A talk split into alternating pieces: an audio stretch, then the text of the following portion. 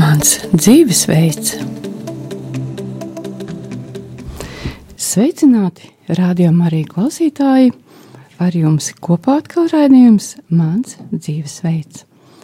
Šodien runāsim par tādu jautājumu, kur jau aizsākām iepriekšējā reizē, par to, kas ir veselīga uzņēmējdarbība, un konkrēti šajā situācijā, šajā reizē vairāk mm, ir tā kā tāda vēlēšanās runāt par to, kas ir um, vadītāja, uzņēmuma vai organizācijas vadītāja atbildība un kas nav viņa atbildība. Respektīvi, citiem pavisam vienkāršiem vārdiem runājot, kas vadītājiem ir jādara un kas viņam nav jādara, lai uzņēmums veiksmīgi attīstītos.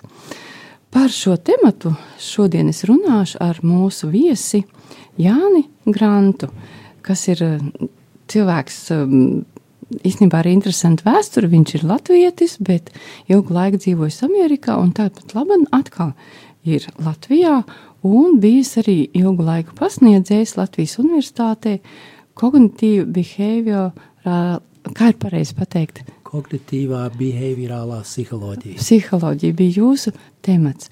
Tātad sveiciniet mūsu viesi, un es arī viņu sveicinu mūsu studijā. Labdien!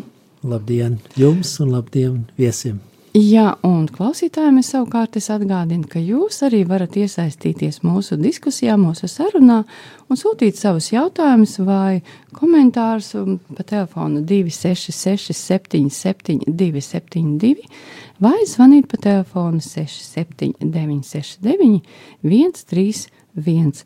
Tāpat jūs varat sūtīt arī savus ēpastus uz adresi studija at rml.lv. Viena atgādināšu vēl, ka mums ir arī ziedojuma tālrunis, un tas ir 9 0 0 0 6 7 6 9.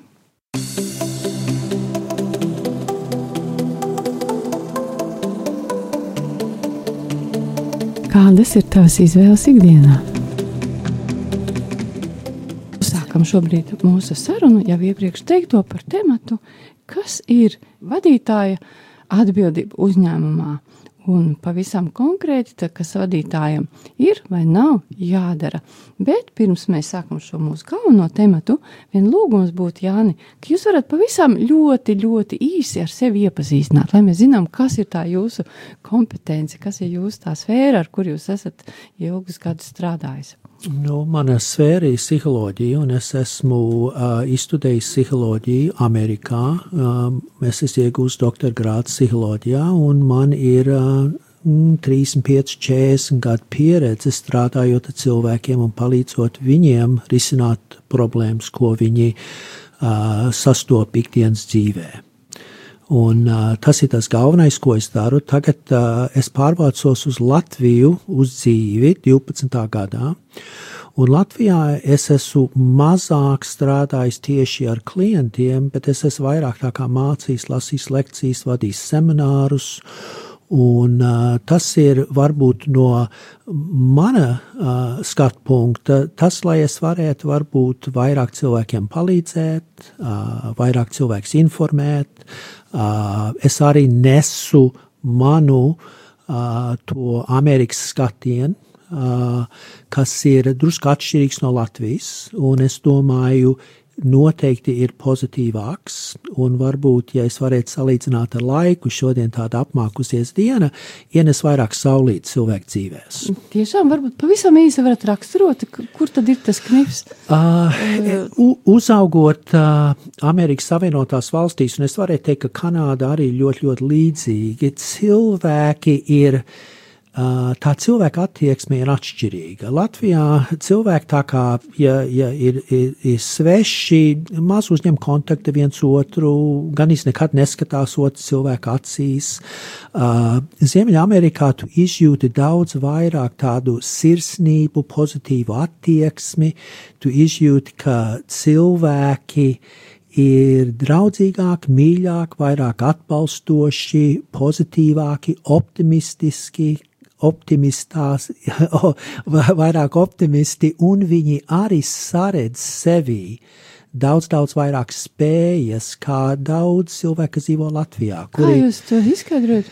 Uh, es domāju, tā ir viens tā vide, noteikti audzināšana. Uh, es uh, dzimu Vācijā un pārcēlos uz Ameriku, man bija apmēram trīs gadi. Tātad no Vācijas bēgļu nometnēm, kur man vecāki bija pēc kara. Uh, man nav nekādas atmiņas, bet es atceros, ka uzaugot Amerikā, tur vienmēr bija tāda pozitīva gaisotne, atbilstoša vide, un kaut kā tas iesūcās dvēselē, un tas paliek pa pilnīgi normālu veidu. Uh, Man cilvēki arī saka, kad satiekot mani, kad es pārāk daudz smaidu un es nemaz neapjēdzu. Tas šeit ir Latvijā? Tā, jā, jā, jā, visu smaidat, laiku. Jā? Es, es ieeju centrālu tirgu un viņi jau tūlīt, es neesmu atvēris man muti, viņi jau zina, ka es esmu ārzemnieks. Ja Vai vismaz smaidat. kā viņi man kategorizē kā ārzemnieku, jo vienkārši Latvijā cilvēkiem ir tāds drūmāks izskats uz sejas, ar mazāk izteiksmi un varbūt diezgan raksturo, kā viņi viņi jūtās sevī uh, netik priecīgi. Un es nesaku, ka tie ir visi cilvēki, bet es runāju, teiksim, ja mēs, jā, jā, jā, jā, un tas ir tas iespējas, teiksim, uh, kas cilvēkam ir no ārzemēs, ka viņš tā kā ierodas te Latvijā, jā? Ka te tā kā drūmi tā. D drusku drūmāk, jā, jā, un kur pretīm, ja tagad kāds uh, jauns cilvēks, vai arī varētu būt uz gados, aizbrauc uz tādu Spāniju, Portugāli, Itāliju, viņi tūlīt redz, cik tie cilvēki ir atraisīti, cik daudz draudzīgāki, ekspresīvāki, un uh, to saņemt. Tas jūtās ļoti, ļoti labi. Tas ir tā kā saņemt kaut kādu saldu uh, atbalstu. Tas iesēžās dvēselī un uh, no vienas puses stiprina cilvēku. Un es uzaugu tādā vidē. Un tā tad ļoti daudz man zināšanas kopā ar manu to dzīves skatienu ir izveidojis uh, tādu bildi, ka jā, ja tu tici, ka tu vari, tu bieži arī vari. Ja tu tici, ka tu nezini, vai tu vari, tad um, diezgan bieži tev neizdosies. Bet, teiksim, ja tu tici, ka vari arī Latvijā, tad arī to var Latvijā? O, es domāju, ka tā var, bet uh, man droši vien apstrīdēs uh, cilvēki, kas dzīvo Latvijā, jo viņi nav tik optimistiski, viņi ir vairāk, kā es kategorizēju, tādi pesimisti. Un es, man daži cilvēki Latvijā ir teikuši, ka viņi uzskata sevi par tādu reālu pesimistu. Es nezināju, ka tāds raksturojums eksistē, jā, jā. jo viņi mēģina teikt, ka viņi redz to reālo pasauli, bet es redzu to pašu pasauli, ko viņi redz. Jā, jūs Mana esat reāli attieksme pret to pasauli un kā es viņu saprotu, ir atšķirīga. Ir reāli optimistiski. Jā, un ir, tas ir pamats tā kognitīva behaviorālā pieeja, jo kā tu domā, ir kā tu jūties. Domā pozitīvāk, tu parasti jūties labāk. Depresēti cilvēki domā ļoti negatīvi, un viņi jutās ļoti, ļoti slikti. Jā, ne, ja varētu arī, īstenībā jūs pilnīgi uzprasījāties, man gribas pajautāt, ja ir šāds te atšķirīgs skatījums uz dzīvi Latvijā un, piemēram, te pašā Amerikā, Jā. kur jūs redzat saknes, kāpēc tas tā, piemēram, pie mums uh, ir tāds brūmums, nu, kur, teiksim, kur tas saknojas? Tā, mani vecāki uh, dzima un uzauga Latvijā, abi uh, vecāki no Latgals, un uh, viņi atstāja 44. gadā. Es tik drūmu skatienu no viņiem neredzēju, kā arī uh, ārzemju uh, Latvijas, ārpus Latvijas trimdas sabiedrībā, kā mēs sevi saucam. Jā, jo, jo, jo tie cilvēki, kas nokļuva, teiksim, tādā Amerikā, Kanādā, Austrālijā, viņi uzskatīja to kā trimdu, jo viņiem nebija spēja, iespēja palikt Latvijā, jo viņiem sagaidīja ļoti negatīvas un sliktas sekas. Un tā tad mani vecāki, man liekas, nebija tik tādi pesimistiski, un varbūt negatīvi noskaņoti kā daudz Latvijas cilvēku šodien, un es domāju, šis ir mans secinājums. Jā, jā, viņš varbūt saprot, nav akurāts, jā. mm viņš nav bāzēts uz pētījumiem. Jā, jā, mans skatiens ir, ka padomi gadi ļoti negatīvi ietekmēja cilvēkus, atņēma cilvēkiem diezgan daudz motivāciju, teiksim, tādiem normāliem cilvēkiem. Jā. Uh, tu nevarēji uzticēties citiem. Ja tu uzticies kādam, tu varētu ciest.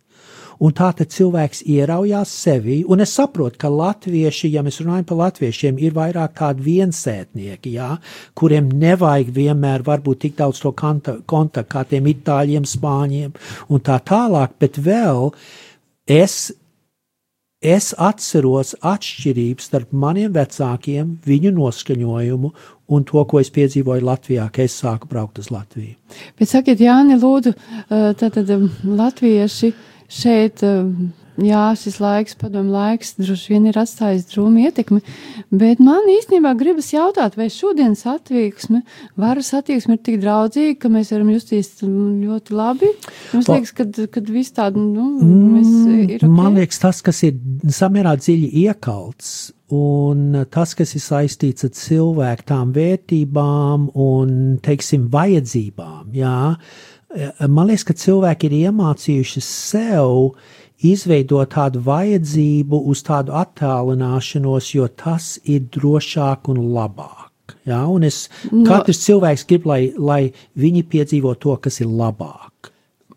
Mm, tā attālināšanās ir no kā no citiem cilvēkiem, no jā, varas, jā, no kā? Jā, jā, jā, no atbildības jā. īstenībā. Teiksim, cilvēki Latvijā ir ļoti draudzīgi ar pazīstamiem cilvēkiem, ļoti uh, turās kopā un ļoti atbalsta viens otru bet ne ar svešiem. Mm -hmm. Teiksim, ja es skatos uz to ēku, kur es dzīvoju, es dzīvoju Rīgas centrā, uh, cilvēki nav tik draudzīgi un tā. Es uh, viņus sveicinu, daži mani sveicina, daži nemaz neuzņem acu kontaktu mani. Bet tie cilvēki, kuri ir dzīvojuši ārzemēs, teiksim, Rietumē, Eiropā, Ziemeļamerikā, Austrālijā, kad dzīvo tādā ēkā, viņi ir draudzīgāki. Tas ir mans, jā, un man liekas, ka krievu tautības cilvēki arī ir bišķi draudzīgāki nekā daudz latviešu. Jā, pat, ka es nerunāju krieviski. Sakiet, lūdzu, vai šis te, šis te raksturojums mūsu tautiešu, varētu teikt, bet tas kaut kā ietekmē arī nu, jūsu skatījumā, mūsu darba vidi, mūsu jā, lietišķās attiecības, visu to sfēras, kas jā, saistīts jā. ar uzņēmēju darbību, ar naudu. Jā, es domāju, ka tas noteikti ietekmē. Uh, bet tā pašā laikā man liekas, ka tur ir dažas citas problēmas. Jā, un, uh, ja es varētu, tagad jā. es mēģināšu tā kā to izskaidrot, un es lietošu to, ko daudz cilvēku, kuri vada mašīnas Latvijā, labi pazīst, un tas ir fotoradārs. Jā. Piemēram, ja es tagad vadu mašīnu un es braucu 80 km/h, kur ir atļauts 50, un es redzu to zīmīti, kā ir uh, ka fotoradārs darbojās, un viņš mani uzbildēs, kad es krustoju to, to punktu. Jā? Es un gan visi samazinu to ātrumu. Mēs negribam tās sekas. Okay, jā. un es domāju, darba vietā, ja darba devējs negodīgi uzvedās ar saviem darbiniekiem, ja viņš viņiem vai nemaksā, vai neizveido tādu veselīgu vidi, kurā strādāt, jā? kas viņam ir pa sekām? Ļoti maz. Nav es domāju, seku. ļoti maz. Un ar katru uzvedības veidu, piemēram, kas nav piemērots, es nesaku, ka jāsoda, jā, bet ja tev nav nekādas sekas par to, ka tu negodīgi uzvedies vai nekorekti uzvedies, un tu izjūti to labumu, Jā, es varu vairāk naudas iebāzt manā kabatā, jā, uh, es kā, pats kaut ko iegūstu vairāk, tu turpinās to darīt. Ja? Un e, es lietošu vēl vienu piemēru. Es, es saprotu, ka es tā kā izmetu šausmīgi daudz tos piemērus. Skatāmies uz cietumiem, cietumniekiem. Ja? Amerikā ir tāda statistika, kad viņi pārkāp likumus un neseko likumus ka viņiem reti kādi sekas. Es tikko šodien biju vienā iestādē, birojā, kur kāds bija ielauzies un noziedzis vairāk dators. Vai cilvēki domā, ka noķers tos zagļus? Droši vien nē. Ko zaglis ir iegūmis ar to uzvedību? Viņš nopelnīs drusku naudu, jo viņš var plēt naudu pārdot viņš nebūs nekādas negatīvas sekas, viņam ir iegūms. Viņš turpinās darīt to nepareizo, nepiemēroto lietu. Citiem vārdiem, es sadzirdu jūsu teiktajā, ka šeit uzņēmuma vadītāji pietiekami brīvi savās izpausmēs, pat varbūt ne pašās labākajās, jo nav definēts robežas. Es piekrītu. Šīs... Jā, nav, nav. Jā. Un man liekas, kaut kas līdzīgs bija agrāk arī ar nodokļiem. Man liekas, tagad viņi mēģina drusku vairāk piedzīt, bet agrāk kāds sekas bija, ja nemaksāja nodokļus. Mm -hmm. Respektīvi, tas, ko mēs šobrīd ieraugām, ka mm, trūkst robežu īsnībā. Jā, jā. vadītāji trūkst tā, robežu. Tai viņa darbības sfērai nav īsti skaidri definēts robežas, un līdz ar to tad, tad viņas var pārkāpt visādos veidos. Ne, negodīgi, netaisnīgi cilvēki, jā.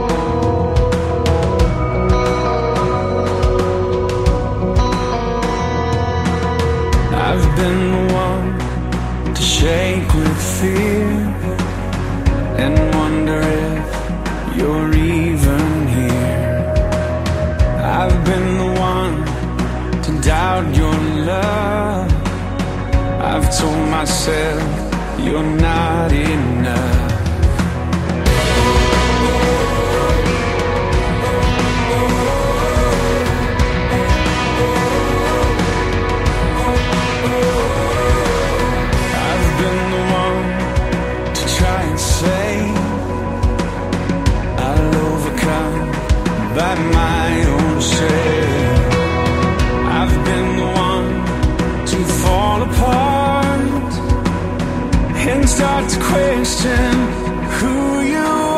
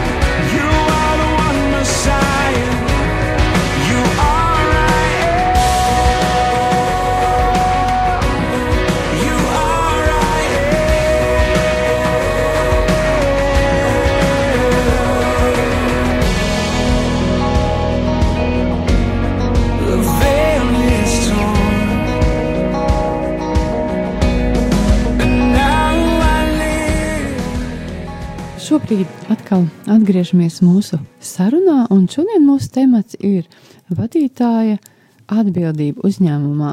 Citiem vārdiem, kas vadītājiem ir un kas viņam nav jādara, lai uzņēmums veik, veiksmīgi darbotos. Un šobrīd mūsu viesis studijā ir Jānis Grants.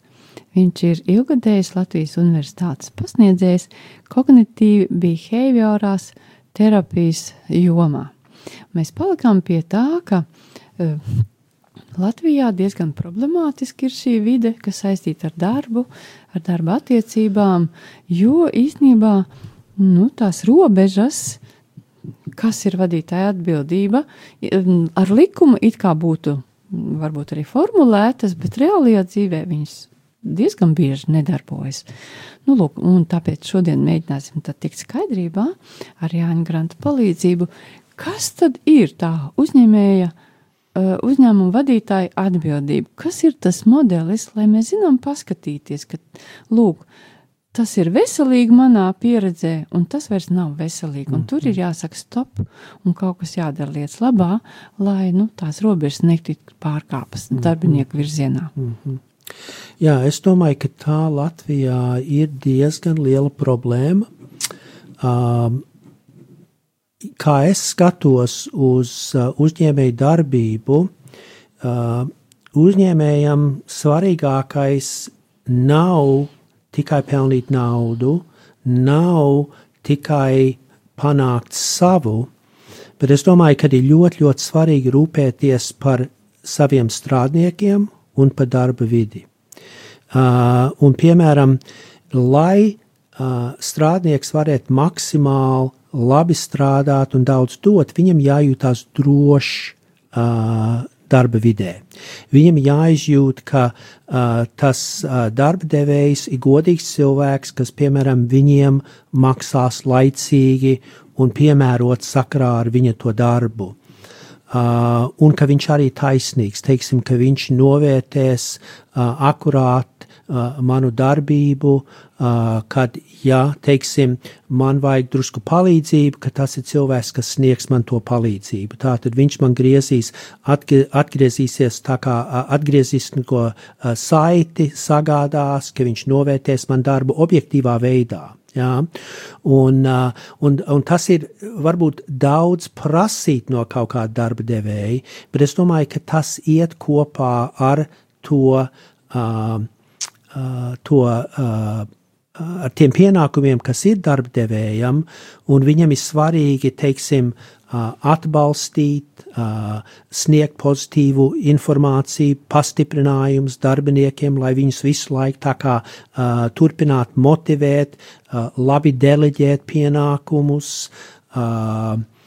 Un es domāju, ka tad, kad ir tāda vide, kā es tā kā zināmā veidā raksturoju, tad es domāju, ka visi ir ieguvēji. Tas strādnieks jūtās labi, viņš uh, var sagaidīt uh, vienmēr laicīgi, ka viņam maksās un maksās piemērotu, jā, un es domāju, tas arī motivē cilvēkus ierasties darbā vairāk, uh, patiešām izpildīt savus darba pienākumus, pašam strādniekam būt uh, tādam atbildīgākam un arī uh, taisnīgākam, uh, jo, ko es redzu, ir, ir bieži uh, darba devēji, uzņēmēji neuzvedās, kā es raksturoju, un arī dažreiz tie strādnieki kārto savas personiskās lietas darba laikā, nestrādā visu laiku ar darba projektiem, un viņi domā, ah, viņi man nemaksā, uh, vai es saņemu pa, pa daudz mazu algu, es varu darīt šitās lietas, ko es gribēju, es varu ierasties vēlāk, es varu tā kā būt paš netaisnīgs, un tā, so visa tā nesakārtība izveido no abām pusēm uh, to, ka neviens, ne, ne, ne darba devējs, ne strādnieks uh, dažreiz izpilda simtprocentīgi visu viņu pienākumus.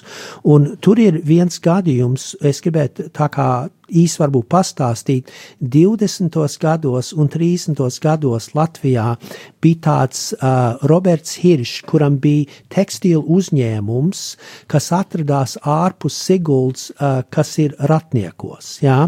Ratnieki tagad pieder Latvijas universitāti, viņi atjaunoja, un ko Hiršs darīja, ir Hiršs uzbūvēja burvīgas atpūtas telpas saviem strādniekiem. Ja? Viņš rūpējās viņiem maksāt. Tanī laikā Kāras Ulmans, kā uh, ministru prezidents Hiršam, teica, ka viņš maksā saviem strādniekiem pa daudz lielas algas. Un viņš teica, ka tas izveidos kaut kādu konfliktu jā, starp citiem, bet tā pašā laikā Hiršs kļuva par miljonāru tanī laikā. Viņa strādnieki dedzīgi strādāja, bija pilnīgi lojāli viņam un viņš viņiem, un viņš izveidoja tādu gaisotni pirms 80, 90 gadiem, kas bija perfekta un burvīga. Un tādās vidēs cilvēki strādā ražīgi, viņi ir produktīvāki. Un, un tas ir tas paraugs, tas ir drusku tā kā daži Japāņu firmas, piemēram, kur tā kā ar automašīnām eh, ir uzskatīts, ka viskvalitatīvākās automašīnas dažreiz ir no šitām Japāņu firmām, kur cilvēkiem ir, ir ļoti laba darba ētika un viņi saņem to atzinību par savu veikto darbu. Jāni, es dzirdu, ka visā šajā jūsu teiktajā ļoti svarīgs aspekts ir drošība.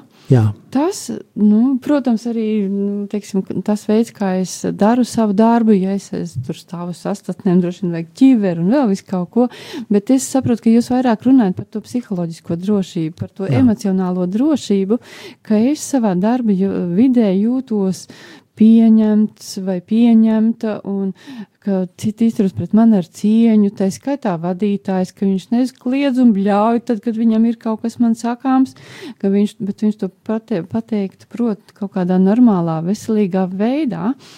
Un uh, man gribētos pajautāt par tādu lietu, kas ir diezgan neskaidra tieši tādās, nu, vadītāju un darbinieku attiecībās par kontroli kontroli, it kā nu, teiksim, tas process ir jākontrolē. Viņiem jāiet uz priekšu. Ir kaut kāds mūsu darba mērķis, mēs uz kaut ko virzamies. Nu, vienalga, kas ir mūsu uzņēmuma, tas, tas gala mērķis, uz ko mēs ejam, vai mēs kaut ko ražojam, vai mēs kādu pakalpojumu sniedzam, bet mēs visi kopā kaut ko darām. Un tad šo procesu vajag kontrolēt. Kā jūs redzat, kā tai kontrolē jāizpaužas? Vai tiek kontrolēts katrs cilvēks individuāli, vai tomēr nē? Un, un cik tā tā kontrole ir veselīga savstarpējās attiecībās? Jā, no vienas puses kontrole ir vajadzīga, bet kontrolēt pa daudz paliek pa problēmu, un tur ir dažas personības tipi, kuriem ir ļoti, ļoti visu jākontrolē, un tas bremzē produktiv, produktivitāti, tas bremzē to, ka cilvēki jūtās ērti un droši uh, savā darba vietā. Es domāju, tur jādod to piemēroto uh, kontroli, kontrolēt to vidas sakarā, to garantēt to, ka tā ir droša vide jā, kontrolē tādā ziņā, ka tas, ko es esmu solījis savā darba līgumā, ka es maksāšu tik un tik, un, un naudiņa būs samaksāta tādā un tādā dienā, un ka nebūs nekādi traucējumi, tanī vidē to vajadzētu kontrolēt. Bet, ka kontrolē pa daudz cilvēkus, tad cilvēks sāk visu laiku skatīties apkārt, teiksim, redzēt, vai tagad mani novēro atkal. Uh, tāda kontrole ir ļoti neveselīga, jo ko tas strādnieks izjūt, ir, ka viņam neusticās, jā? ka viņam iedot projektu un kāds visu laiku tā kā skatās pāri pa plecu un taisa komentārus. Un Latvijā, kas ir ļoti raksturīgi un tas parādās ļoti uh, skolās, uh, kur uh, skolotāji un tie, kas māca un tie, kas vada, lieto tādu sodīšanas sistēmu. Tātad es nesaņēmu atzinību par to, ko es daru labi un pareizi, bet es saņēmu uzmanību vai viņi ievērot tās kļūdas, ko es pielaidu, un tas ir akcentēts. Tātad es varētu darīt 90% no mana darba ļoti, ļoti labi, bet ko mēs pārunājam ar darba devēja tādu pārkontrolējošu cilvēku, ir manas kļūdas. Ja? Un, lai efektīgi darītu, jā, strādniekam ir jāsaņem uh, to uh, novērtējumu, jā, bet tad 90% no tā vērtējuma vajadzētu būt par tām lietām, ko es daru labi. Jo psiholoģijā neko, nekas nestrādā tik labi jā, kā tas, ka cilvēks saņem pozitīvu uh, pastiprinājumu par to, Novērtējumu. ko viņš jā. Jā, Atzīšana. un tas jūtās labi. Piemēram, Uh, ja es lietoju tādu ļoti ikdienišķīgu piemēru, jā, ja cilvēkam ir sunīts mājās, un tas sunīts paliek pa dienu dzīvoklī, un tas cilvēks atnāk mājās, tas sunīts vienmēr sagaida savu saimnieku ar to, ka viņš vicina asti un, un ir sajūsmināts viņu redzēt. Ir laimīgs. Jā, un tas jūtās tik labi, ka tu redzi, ka tu esi esi cienīts, ka tu esi respektēts, jā, ka cilvēkam tu esi svarīgs. Un tā attieksme to ir jāizveido, jo tas strādā labi visur, bet diemžēl daži darba devēji, ne visi, bet daži, lai tiktu tādā amatā, viņiem ir ļoti svarīgi būt kontrolas pozīcijā. Viņi ir narcisisti, viņi ir pat daudz kontrolējoši cilvēki, viņi dažreiz ir vardarbīgi, varmāks. Viņi ir tādi cilvēki, kas tieši dod to neveselīgo, ne to, kas tam strādniekam ir vajadzīgs. Es sapratu, ka ir kādi cilvēki, kas raujas pie varas tādēļ, lai viņi varētu nu, kontrolēt, viņus iedvesmo šī iespēja būt varas pozīcijās, un tad viņi šo neveselīgo kontroli īsteno attiecībās, ja, kā es Jā. sapratu. Un tad dominanti ir nevis to, ko cilvēki ir izdarījuši labi, tie, kas ir viņu pakļautībā, bet uh, uzmanība ir tiek vērsta uz to, kas ir bijis nepareizi, uz to, kas ir bijis kļūdas, un tad līdz ar to tas cilvēks būtībā viņš nevis tiek stimulēts strādāt, bet tieši otrādi. Jā. Es pareizi sapratu. Simtprocentīgi pareizi, jā. jā. Ļoti labs raksturojums. Bet, teiksim, ja tas nav labais risinājums, tad cik tālu tomēr tā kontrole, nu jā, bet, teiksim, tas process, darba process arī kaut kā tiek kontrolēts. Mm, es nezinu, vai es, tie, es, es nezinu, vai es tieši sapratu to, to jautājumu. Jā? Vai es varētu tā kā drusku pārformulēt? Nu, teiksim, nu, piemēram, mums ir jāsastāda puķis. Jā. Un es zinu, ka man, nu, es esmu uzņēmuma vadītājs, es zinu, ka man ir simts puķis jāiestāda, Jā. trīs darbinieki.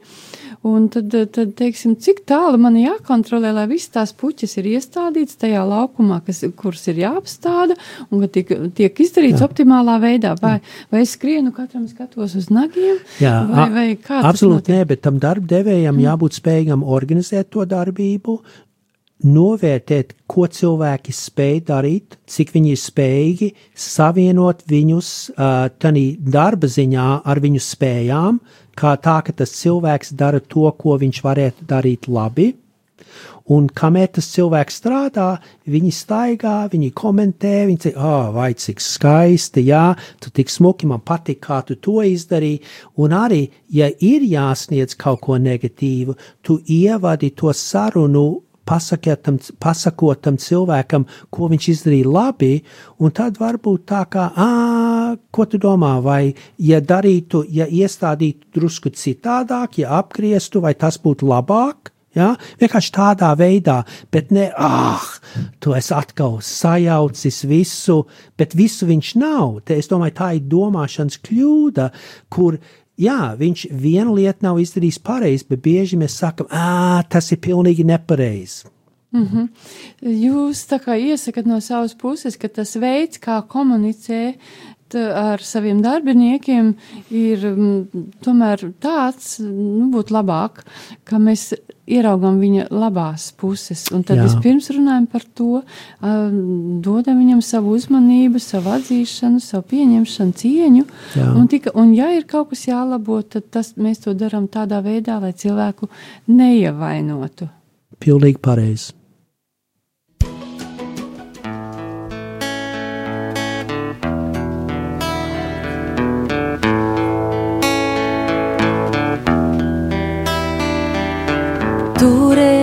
Turēties cieši klāt, ir tas, ko vēlas mana sirds, būt tavā tuvumā, piedzīvot mieru, ko var dot tik tu.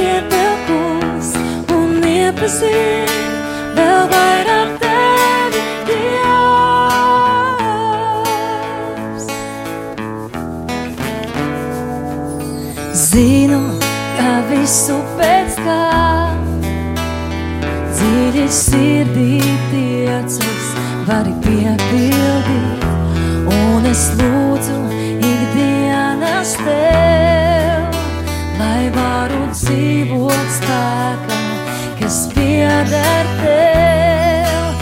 Tuvāk iet es vēlos, pretī skriet. Atkal atgriežamies studijā un turpinām mūsu sarunu par to, kas ir vadītāja atbildība savā uzņēmumā, savā organizācijā, citiem vārdiem, kas viņiem ir jādara un kas viņam nav jādara, lai uzņēmums vai organizācija veiksmīgi darbotos un sasniegtu savus mērķus. Mans sarunbiedrs šodien ir Jānis Grants, ilglatīgs Latvijas Universitātes kognitīva behaviorālās psiholoģijas pasniedzējs. Un mēs palikām pie tā, ka absolūti svarīgi ir tas veids, kā uzņēmuma vadītājs runā ar saviem darbiniekiem. Ka tas vai nu dod drošības sajūtu, vai nedod, un savukārt no tā, vai darbinieks jūtas droši, atkarīgs arī viņa darba rezultāts. Jāni, Jā, ļoti, ļoti, ļoti pareizi formulēts. Um, es domāju, ka, ja cilvēks pierod, vai ja viņš saņem šādu pozitīvo atsauksmi, pozitīvo uh, tieksmi no cilvēka, kas ir tādā autoritātes pozīcijā, kā būtu, teiksim, darba devējs, jā, vai arī varētu būt skolotājs, vai arī varētu būt, teiksim, bērna vecāks, jā. Saņemot tādu atbalstošus vārdus ir ļoti, ļoti nozīmīgi cilvēkam, jo mēs katrs uzaugam ar tādu skatienu uz sevi, ko es nosaukšu par pašcieņu. Cik es pats uh, mīlu sevi, cik es uzskatu, ka es esmu vērtīgs vai labs, uh, cik es esmu, cik es uzskatu, ka es esmu vēlams šī pasaulē. Jo tā pašcieņa ir labāka un uh, pilnveidīgāka, jo es varētu, varēšu daudz vairāk sasniegt, darīt un veikt. Un man ir viens notikums, ko es gribētu minēt no manas dzīves, jo uh, pat, ka es uzaugu bēgļu tādā nometnē, uh, man nekāds atmiņas no tā nav, jo es zinu, ka es saņēmu arī ļoti lielu atbalstu no vecākiem, un es biju lutināts tad, kad vajadzēja lutināt, un es biju audzināts tad, kad vajadzēja audzināt. Ja? Un es atceros, ka man bija kādi 10, 11 gadi, tanī laikā es, es dzīvoju Indianapolē, kas bija tā pilsēta, kur es uzaugu Amerikā. Un uh, latviešiem uh, trimds sabiedrībā bija visāds organizācijas, mums bija arī tāds biedrības nams. Un visi tie vietējie latvieši vai liela daļa bija sanākuši kopā, mēs veicam tur darbus, mēs krāsojam to ēku. Un es kā desmit gadu vecs, tur arī cītīgi krāsoju, man bija ļoti svarīgi darīt labu darbu. Uh, tā bija tā, varbūt pozitīva audzināšana, un es atceros, ka kāds komentēja, jo ne visi bērni manā vecumā strādāja tik labi vai uzmanīgi, kā es centos tajā momentā. Un es atceros, uh, un šis paliek manī, teiksim, pat 60 gadu vēlāk, jā, es šito tik spilgti atceros, kad kāds kaut ko teica par manu uh, krāsošanu, jā, un mans tēvs bija blakus, un mans tēvs teica, jā, Jānis labi krāso. Nebija daudz vārdi, bet dzirdot desmit gadu vecumā tādu pozitīvu komentāru no mana tēva un citi cilvēki ir klāt, tas vienmēr paliks manī. Un tas man stiprināja, kur pretīm, ja es būtu tādā vidē, kur es saņemu to uzmanību vai saņemt komentārus, un viņi teikt, tu dari to nepareizi, Tādu negatīvs to. komentārs kaut kāds. Es jūtu, jūtos drāmīgi, tad es nejūtos, kad es gribu un ka es varu. Un mazam bērnam ir jāizjūt, ka viņš var. Jo, ja viņš tic, ka viņš var, tad viņš bieži arī varēs, vai vismaz tie, tās sekmes būs labākas. Un, uh, un es domāju, tas ir absolūti nepieciešams, un tā tad, ja mēs uzaugam, teiksim, tādā ģimenē, kur notiek uh, alkohola lietošana vai narkotikas vielu lietošana vai vardarbības, tā nav pozitīva vide. Un tas nabaga cilvēks, viņš varbūt var izdzīvot, bet viņš nejūtās pārāk labi par sevi. Tā viņa pašapziņa ir cietusi. Viņa ir šausmīgi cietusi. Jā. Un kas notiek tālāk, bet labā ziņa, ka to jau tomēr var mainīt. To var vienmēr mainīt. Tas nav kaut kas tāds, ko absolūti nekad nevar mainīt, bet tas prasa darbu. Jā, tas prasa enerģiju, tas prasa, uh, uh, ir jāpiestrādā. Un, teiksim, ja cilvēks tā kā nemēģina sevi pilnveidot vai caur izglītības sistēmu, vai caur kaut kādu terapiju, vai uh, iemācoties, kā pozitīvāk pašam domāt, kā samazināt dzīves stresu. Ja? ja cilvēks neiemācās tādas prasmes, un viņam nav tādas zināšanas, viņam neies tik labi, bet to var absolūti mainīt. Un modernā pasaulē, Latvijā šodien, ir tik daudz iespēju sevi pilnveidot. Bet es vienīgi vēl saredzu, ka šis uh, cilvēks bērns, kurš audzis tādā dramatiskā vidē, par kur jūs runājat, un ja nav nekas darīts ar sevi, ar savu dvēseli, uh, Tad īstenībā, ja tāds cilvēks nonāk vadošās pozīcijās, tad tur laikam Viņš, ir tas gadījums, kad apkārtējie cieš. Viņš varētu būt uh, vardarbīgs pret citiem, un arī, ja viņš ir strādnieks, un viņu apstrādā kāds darba devējs, viņš nejūtās, ka viņš ir spējīgs, viņš jūtās nevērtīgs, so viņš īsti nepretosies, viņš nemācēs sevi aizsargāt, un viņš, un, un viņš veicina to, ka negodīgs darba devējs var turpināt manipulēt un apstrādāt cilvēkus. Un, un tas, tas ieiet, un to ir grūti apstāt, bet ja katrs cilvēks domā par to, teiksim, momentā, viņš tikai padomā, kādas domas virpuļoja caur mana prāta, Vai viņš bija pozitīvs vai negatīvs? Kaut kas notiek dzīvē, kaut kas varbūt nesagaidīts, jā, varbūt eh, kaut kas netik pozitīvs, jā. Es varu secināt, man šoreiz neizdevās, bet nākamā reizē es zinu, ka es varu, kur pretīm bieži cilvēki, kuri ir ar zemu pašcieņu, saka, man neizdevās, tu redzi, es nevaru, es nemāku, es esmu nevērtīgs, es esmu lūzers. Bet pie tā mēs nevaram palikt. Un tāpēc arī šī e, mūsu šodienas saruna, lai mēs varētu saprast, ja kaut kas neiet manā dzīvē, es esmu vadītājs, vadītāja atbildība man ir kāda, es netieku ar to galā, vai es esmu darbinieks un ar to netiek galā, tad ir viena lieta, kas man jāsaprot, ir kaut kas jādara, bet nevis ar citiem, bet ar sevi. Lūk, un šajā brīdī ar šiem vārdiem mēs arī beigsim šodienas sarunu, bet dzīve turpinās. Saruna pašlaik mums ir jābeidz, jo raidījums beidzās, bet dzīve turpinās, un šie jautājumi joprojām paliek ar mums, ja, ka, kas ir ar mani, kas ir manu dzīvi, kas, kas notiek ar mani darbā, kā es tajā jūtos. Šie jautājumi paliek, un tos es novēlu strādāt ar tiem arī tālāk. Bet šajā brīdī tātad es teikšu sirsnīgi paldies mūsu viesim Jānim Grantam, eh, ka jūs bijāt kopā ar mums, ka nācāt un dalījāties savā gudrībā un kad eh, salīdzināt arī šo te, eh, nu, to izjūtu, kāda ir Amerikā, kur jūs ilgāk dzīvojat, un kāda ir Latvijā. Man liekas, ka tas mums ir ļoti derīgi eh, dzirdēt, kā cilvēki mūs redz tie no malas, ja kas ir atbraukuši. Ka tas tā kā, nu, tāda, mm, nu, jā, tas liek padomāt, vai ir mums visi kārtībā, mūsu vidi. Lūk, tātad es saku paldies Jānim Grantam, Latvijas Universitātes kognitīvi-behaviorālās psiholoģijas pasniedzējam Jānim Grantam.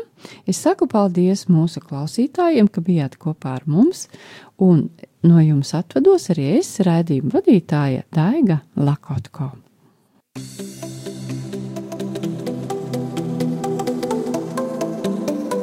Mans dzīvesveids!